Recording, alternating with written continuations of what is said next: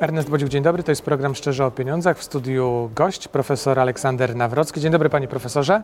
Dzień dobry. Czy człowiek, który w NASA osiągnął prawie wszystko, bo tylko szefem NASA pan profesor nie był, ale dyrektorem do spraw robotyki tak i nie tylko. Widzieliśmy się już w naszym programie parę, parę ładnych miesięcy temu. Dzisiaj jest okazja, bo jest pan w Polsce, żebyśmy się spotkali e, znowu. W związku z tym trudno z tej okazji nie skorzystać. Chciałbym, żebyśmy zaczęli od takiego wątku dotyczącego kosmosu bo w Polsce głośno jest ostatnio y, o podróżach kosmicznych w kontekście tego, że jeden z Polaków ma szansę znowu polecieć e, w kosmos. Proszę mi powiedzieć, Pana zdaniem to jest doniosłe wydarzenie, że drugi Polak ma szansę polecieć w kosmos? No na pewno dla Polski to jest duże wydarzenie, bo w końcu astronautów jest ponad 400 w sumie, a w Polsce to Hermaszewski był jedyny wiele lat temu to już prawie, że zapomnieliśmy o tym. Także Sławosz myślę, że ma duże, duże szanse. Ja jestem z nim w kontakcie, my często rozmawiamy, nawet chyba wczoraj czy przedwczoraj e, do mnie dzwonił. Także ja myślę, że no, by było fajnie, jakby jemu się udało dostać się do grupy już tej końcowej, która poleci na stację kosmiczną. A te podróże w kosmos e, z tamtych czasów i te dzisiejsze, to dzieli przepaść? To jest zupełnie co innego? No ja już nie pracowałem e, na stacji kosmicznej. Ja byłem jednym z tych, który robił design stacji kosmicznej. Lot numer, numer 6 był właśnie moj, moja ekipa e, wykonała.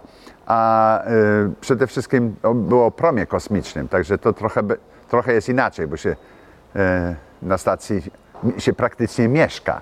Mhm. Także jest, jest to na pewno coś ciekawego. Ja myślę, że, że Sławosz, jak jemu się uda, to, to będzie miał bardzo ciekawy okres w swoim życiu. No i już dzisiaj, zanim poleciał, wszyscy się tym interesują. Myśli pan, że to takie wydarzenie dla naszego kraju to może być taki impuls, gdzie my, y, firmy, przedsiębiorstwa zainteresują się przemysłem kosmicznym jeszcze bardziej, że ta przyszłość jest w przemyśle kosmicznym? No na pewno y, od strony takiej marketingowej to lot Polaka na stację kosmiczną, e, która jest już stacją taką pobytową, to, to jest duży aspekt. To jest nie tylko polecieć na orbitę, ale być na niej. Mhm. Także myślę, że na pewno e, ono rzeczy, oczywiście będzie musiał wykonać jakieś zadania, no bo jak tam będzie, to podejrzewam, że e, firmy polskie z, zorganizują mu jakieś zadania, które będzie wykonywał w kosmosie dla dobra właśnie ekonomii gospodarki polskiej. Bo tam nie lata się po to, żeby pobyć, tylko trzeba popracować, tak? No bo inaczej to by człowiek zanudził się na śmierć. Tak. A jak to wygląda, jak wy rozmawialiście, jak pan rozmawiał z tymi, którzy lecieli, czy którzy byli na, na orbicie? Jak wyglądają takie rozmowy? To wszystko jest w czasie rzeczywistym? Tak, jak... tak, w czasie rzeczywistym. Co prawda za moich czasów to jeszcze nie było Wi-Fi, także my nie, my, ja miałem kabel taki długi, zakręcony, to Podejrzewam, że on miał chyba, już nie pamiętam dokładnie, ale na pewno miał ze 30 metrów, także ja mogłem chodzić po e, w, tym centrum w pokoju kontroli centrum lotu. kontroli, i, i, ale byłem zawsze przyczepiony kablem do jakiegoś tam e, gniazdka. A jak pan obserwuje technologie kosmiczne, które, z którymi mamy do czynienia, to one mocno się rozwinęły w, przez ten czas? No, Bo dużo. Na Księżyc poleciliśmy dawno, w 69 dawno roku. I pustka, no mamy 23. No. Technologie poszły do przodu, a na Księżycu dalej no my, znowu nie jesteśmy. My mamy e, ciekawe technologie. No, bardzo ciekawym jest w ogóle e, Voyager 1 i 2, które w tej mhm. chwili przekroczyły e, e, układ słoneczny. Tak, także że to już jest duża rzecz, moim zdaniem. No. Spotkają a, tam kogoś?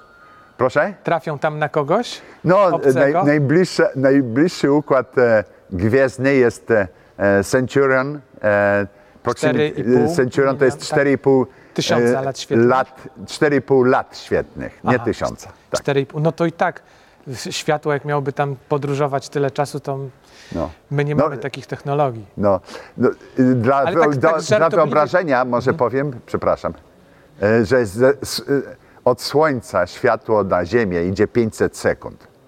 A tak żartobliwie pytając, sądzi pan, że my tam kogoś w kosmosie kiedyś spotkamy z innych cywilizacji? No Raczej bo... szans nie mamy, bo e, odległości są takie ogromne, a powiedzmy, że my żyjemy 100 lat, to musiałoby być tam ileś tysięcy pokoleń.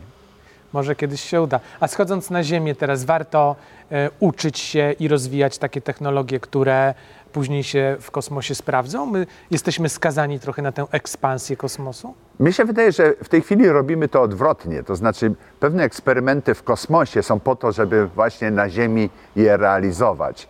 E, Przede wszystkim chodzi o materiały rzadkie, e, elektronikę, e, farmaceutykę. To dużo tych takich e, eksperymentów laboratoryjnych e, były robione na orbicie, a później wykorzystywane na Ziemi. No tak, ale tak patrząc w drugą stronę jednak, żeby coś dokonać na tej orbicie, to my musimy na dole tutaj, na Ziemi, wyszkolić ludzi, którzy stworzą technologie odpowiednie. Czy to będą robotycy, automatycy, no, zaawans, informatycy, programiści, zaawansowane technologie. Więc moje pytanie zmierza do tego, czy warto dziś uczyć dzieci No, właśnie w tych kierunkach, edukować ich w tych kierunkach. No to już z- mnie pan Sam nie musi przekonać, bo ja to robię od wielu, wielu lat. Duży nacisk kładę na młodzież. E, W tej chwili prowadzę Akademię Robotyki dla młodzieży do lat 18, a już w tej chwili e, nawet dzieci takie 6-7-letnie już potrafią właśnie zbudować e, Lego. E, e, Oni zorganizowali właśnie e, takie elementy, które można później taki robocik mały zbudować. I to dużo pomaga, bo to dzieci się uczą. E, uczą się nie tylko zbudować coś, ale tam jest i jakiś aspekt elektryczny, elektroniki, mechaniki. No i trzeba to też tam trochę zaprogramować. Także e, ja myślę, że e, młodzież, która wychodzi właśnie z te, tego typu klubów robotyki, są fantastyczni później inżynierowie. Czyli tak naprawdę trochę potrzeba tutaj zacięcia rodziców, żeby popchnąć te dzieci, no bo siedmiu czy dziewięcioletnie dzieci same z siebie nie będą wiedziały, jakie chcą mieć zawody, ale rodzice mogą już ukierunkowywać, czy pokazywać różnego rodzaju możliwości. tak? Zawsze rodzice są najważniejsi, mi się wydaje, w wychowywaniu e, dzieci. E, ja mam dwóch synów. E, jeden już skończył studia na Yale, robił podwójny kierunek był w ogóle e, przewodniczącym klubu robotyki e, i aerospace. I był zresztą z ekipą polską na pierwszej olimpiadzie w Waszyngtonie, gdzie Polska zdobyła drugie miejsce na świecie, na 163 kraje, także to był No, duży... Darek Głuchowski, twórca tej e, drużyny Spice Gears, e, był tutaj na tej kanapie, Tak. więc e, opowiadał też o tym. No, warto o tym mówić, dlatego że e, jeśli chodzi o drużyny robotyczne, to drugiej takiej w Polsce nie ma. Nie, no i no co jest, y, dla mnie właśnie jest, to jest taka, taka przykry experience, ze względu na to, że jak patrzymy, to jeżeli Stany Zjednoczone mają 10 razy tyle mieszkańców co Polska, to, y, a Stany Zjednoczone mają 3000 klubów, to my powinniśmy mieć 300, Tak. a mamy 3. W tym jeden jest dobry, a te pozostałe dwa, no jeszcze trochę muszą po, popracować. Także to jest ten aspekt, którym mnie się wydaje nie jest wyraźnie naciskany przez e, e, jakieś agencje rządowe, czy nawet sam e, ministerstwo, które powinno właśnie propagować tego typu e, e, działalność. Że tak naprawdę teraz rodzice muszą propagować, czy pokazywać dzieciom i, i działać w tym kierunku i namawiać do takich zawodów. Bo w- Taki aspekt jest, że w, w naszym życiu my uczymy się, prawda, jest nauka, później zdobywamy jakąś wiedzę, jak kończymy studia, czy nawet e, maturę robimy, ale najważniejszy jest ten trzeci aspekt, to znaczy się zdobyć te umiejętności, żeby wszystko to, co żeśmy się nauczyli do tej pory, wykorzystywać właśnie i budować coś na przyszłość. A potencjał w, w, polskich studentach czy uczniach jest? Wszędzie jest. No, ja skończyłem Politechnikę Łódzką w sumie, także e, a miałem pracowników, którzy byli po studiach MIT, Stanford i tak dalej. Także nie ma, ja nie, nie widzę żadnych ograniczeń. Dlatego ja duży nacisk właśnie zawsze kładłem na to, żeby wykorzystać e, wiedzę do tego, żeby zdobyć jakieś umiejętności i tej umiejętności e, właśnie wykorzystywać do zrobienia czegoś nowego. A czy my moglibyśmy się w czymś specjalizować, jak pan myśli, jako kraj? No bo wiadomo, no my nie zrobimy sobie drugiej instytucji pod tytułem NASA, bo po pierwsze nie, ten, y, nie ta wielkość kraju, po drugie nie ten budżet, nie te pieniądze, ale może gdzieś jakieś nisze No wykorzystać. ale proszę, proszę zrozumieć, że Kanada, gdzie ja wylądowałem wpierw i później z Kanady przyniosłem się, ja byłem dyrektorem operacji kosmicznych w rządzie kanadyjskim, to ma tyle samo mieszkańców co Polska. To prawda, tak.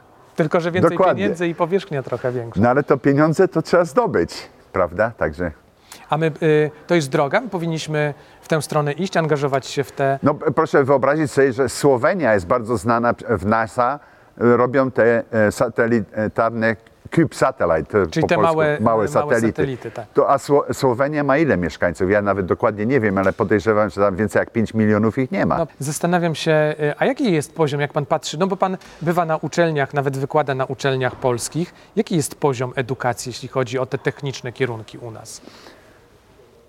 Albo inaczej, jakiego poziomu, do jakiego poziomu dochodzą studenci? Ale to jest pytanie podchwytliwe. Ja, ja wiem, bo musi pan ocenić swoich studentów, ale e, jak to wygląda? No, s- Tak starałem się. Szcze, szczerze, no tak, Tak, stara, na, na tych kilkudziesięciu studentów, no trzech było dobrych.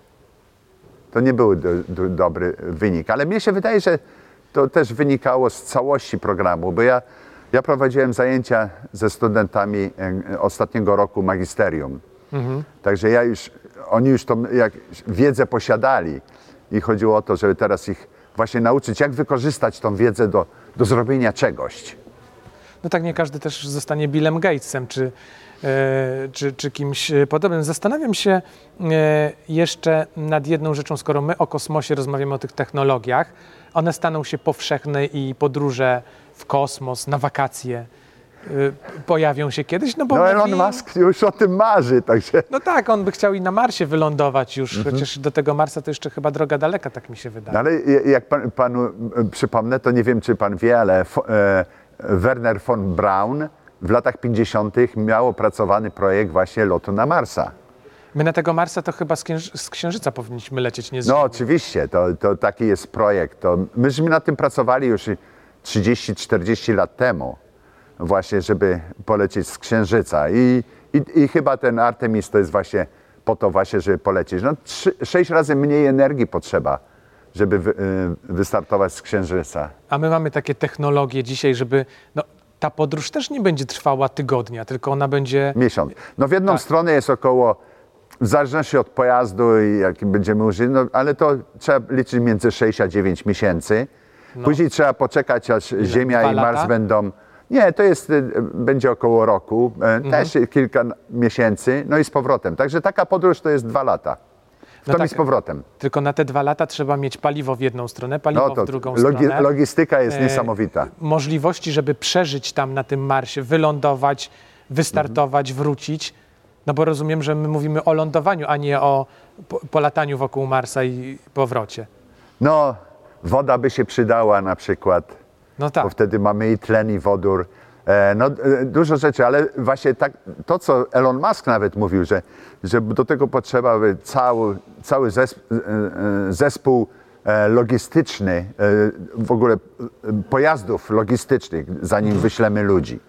Żeby oni, jak wylądują na Marsie, to już mieli e, Gotowe. wszystko przygotowane.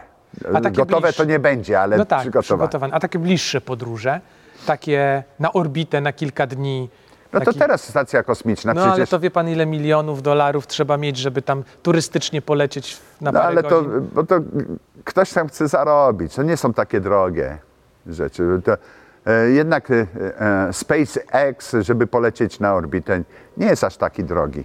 Sądzi pan, że b- te takie podróże e, kosmiczne dla turystów, zamożnych oczywiście, no bo to nigdy nie będzie dla społeczeństwa ogólnie dostępne, one staną się powszechne, że my będziemy mogli sobie kupić e, zamiast bilet na Hawaje, to kupimy sobie bilet na tam trzy dni e, na orbicie. No się mówi, że jest milion milionerów w Kalifornii, to ja podejrzewam, że O, to oni ich sami na to, wypełnią na to będzie tak. stać, żeby- żeby sobie polecieć. Także no. Z Europy Ale- też pewnie będą latać. Tak. A ile to lat może nam zająć, zanim to sp- stanie się takie powszechne? No, my jesteśmy gotowi. My mamy wszystko w tej chwili dopracowane na to, żeby, żeby w kosmos turystycznie polecieć, ale jest kwestia, żeby to, to jakoś zorganizować. To jeszcze jeden wątek na koniec chciałem poruszyć. E, chciałbym, żebyśmy trochę wrócili do tego e, wątku dotyczącego edukacji dzieci, bo, bo o tym chyba nigdy dość. I tak się zastanawiam, jeżeli my mamy dzisiaj mówić o kierunkach, o przyszłych zawodach, o takich zawodach, które dadzą tym dzieciom e, i dobre zarobki, i satysfakcję z pracy, i ciekawy zawód, to jakie kierunki by Pan wskazywał? Ja oczywiście myślę o tych technicznych, no bo Pan jest inżynierem, więc No ale e, jestem inżynierem i nie jestem, ale e, e, jak z wykształcenia oczywiście jestem, jestem inżynier, ale e, mnie- mnie się wydaje, że, e, że taki aspekt jak robotyka, e, sztuczna inteligencja, co prawda ostatnio dużo ludzi ma jakieś obawy w tym kierunku, ale proszę zrozumieć, że przecież ta sztuczna inteligencja robiona jest przez ludzi, a nie Także e, nie osiągnie aspektu takiego jak nasz, nasz mózg, mimo wszystko. i oby nie doszła do takiego y, poziomu, jaki czasami w filmach e, science fiction jest y, prezentowany. Ale wracając do tych zawodów, robotyka, sztuczna inteligencja, co jeszcze? Jakaś automatyka, jakieś No, programowanie? to już ja, ja robotykę to pokrywam tak? e, e, e, z automatyką razem. Tak. No bo roboty to są praktycznie urządzenia automatyczne. Mhm. Mówi Także. się o informatyce w Polsce często, że informatycy mają po prostu pracę, zawsze będą mieli i dobrze płatną. Tak, bo to, no ale właśnie, informatyka w Polsce przede wszystkim jest traktowana jako programowanie, a, a to nie, nie jest, niekoniecznie może jest prawdziwe, no ale, no ale, ale można nazwać to informatyka. Czyli jak patrzymy sobie, a jeszcze tak chciałbym zapytać o, o taką rzecz, mówimy o robotyce, no ale żeby zbudować te roboty, e, to nie tylko są tam informaty, robotycy potrzebni, no bo ktoś to musi zaprojektować, ten robot musi dobrze wyglądać, potem to trzeba sprzedać. No ale tam dużo jest. Czyli- Właśnie to, co dla młodzieży, to, co ja właśnie w naszej Akademii Robotyki właśnie propagujemy, to jest to, że ta młodzież się uczy mechaniki, uczy się elektryki, uczy się elektroniki, uczy się programowania i operowania tym, bo te, ten robot musi wykonać jakieś zadania, czyli trzeba opracować całą strategię, w jaki sposób on się porusza, żeby nie zrobił sobie krzywdy, tak w Czyli cudzysłowie. współpraca w zespole, a Tak. zespół składający się z wielu specjalistów. Oczywiście. Dlatego na przykład te, te kluby robotyki, co w, ten klub w Kraśniku, to tam, tam jest młodzież, która się specjalizuje w wielu kierunkach. I oni stają się bardzo dobrymi e, specjalistami właśnie w mechanice, e, w elektryce, w elektronice, w programowaniu, operowaniu. Także jest, jest, można zdobyć e, wiele zawodów w takiej pracy. To ostatnie pytanie na koniec, skoro mówimy o edukacji dzieci, to Pana zdaniem w jakim wieku te dzieci powinny zaczynać? Ile one powinny mieć lat, żeby zacząć swoją przygodę, na razie w formie zabawy pewnie z tym, ale Ale ja myślę, że, e, że w wieku 6 lat już możemy przekazywać e, pewną wiedzę właśnie dzieciom. Także żeby szły- 6 lat. E, Mój syn jak przyjechał do, do Polski, Krzysiu, był w Gdańsku, to prowadził właśnie taki kamp dla, dla dzieci. No to tam były dzieci 7, 8, 9 lat.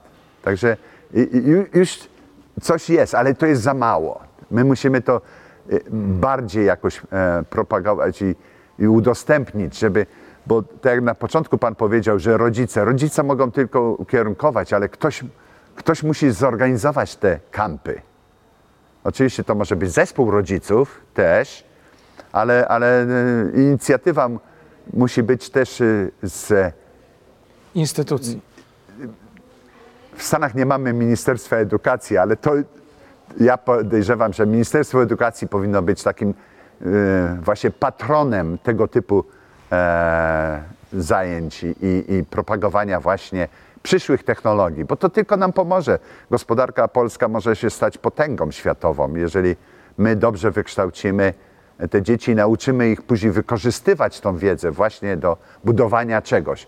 Ja budowałem, byłem jednym z tych, który budował stację kosmiczną. Przecież ja nigdy wcześniej nie budowałem stacji kosmicznej. Było to coś dla mnie w ogóle nierealnego. No. Ja nawet nie wiedziałem, gdzie zacząć. Zresztą pierwszy lot Endeavour, gdzie żeśmy e, kombinowali jak stację kosmiczną, byliśmy w Reston, Virginia, taki zespół tych inżynierów, ja tam byłem jednym z tych, tych inżynierów, to my, pierwszy, pierwsza konstrukcja to była e, e, pręty że mówimy, to będzie nasza struktura, a później doszliśmy do wniosku, to jest idiotyzm. No, Zrobimy moduły i później te moduły będziemy razem szczepiać. I tak właśnie powstała stacja kosmiczna. No, czyli to jest dowód na to, że marzenia się spełniają. Dziękuję pięknie za wizytę w studiu.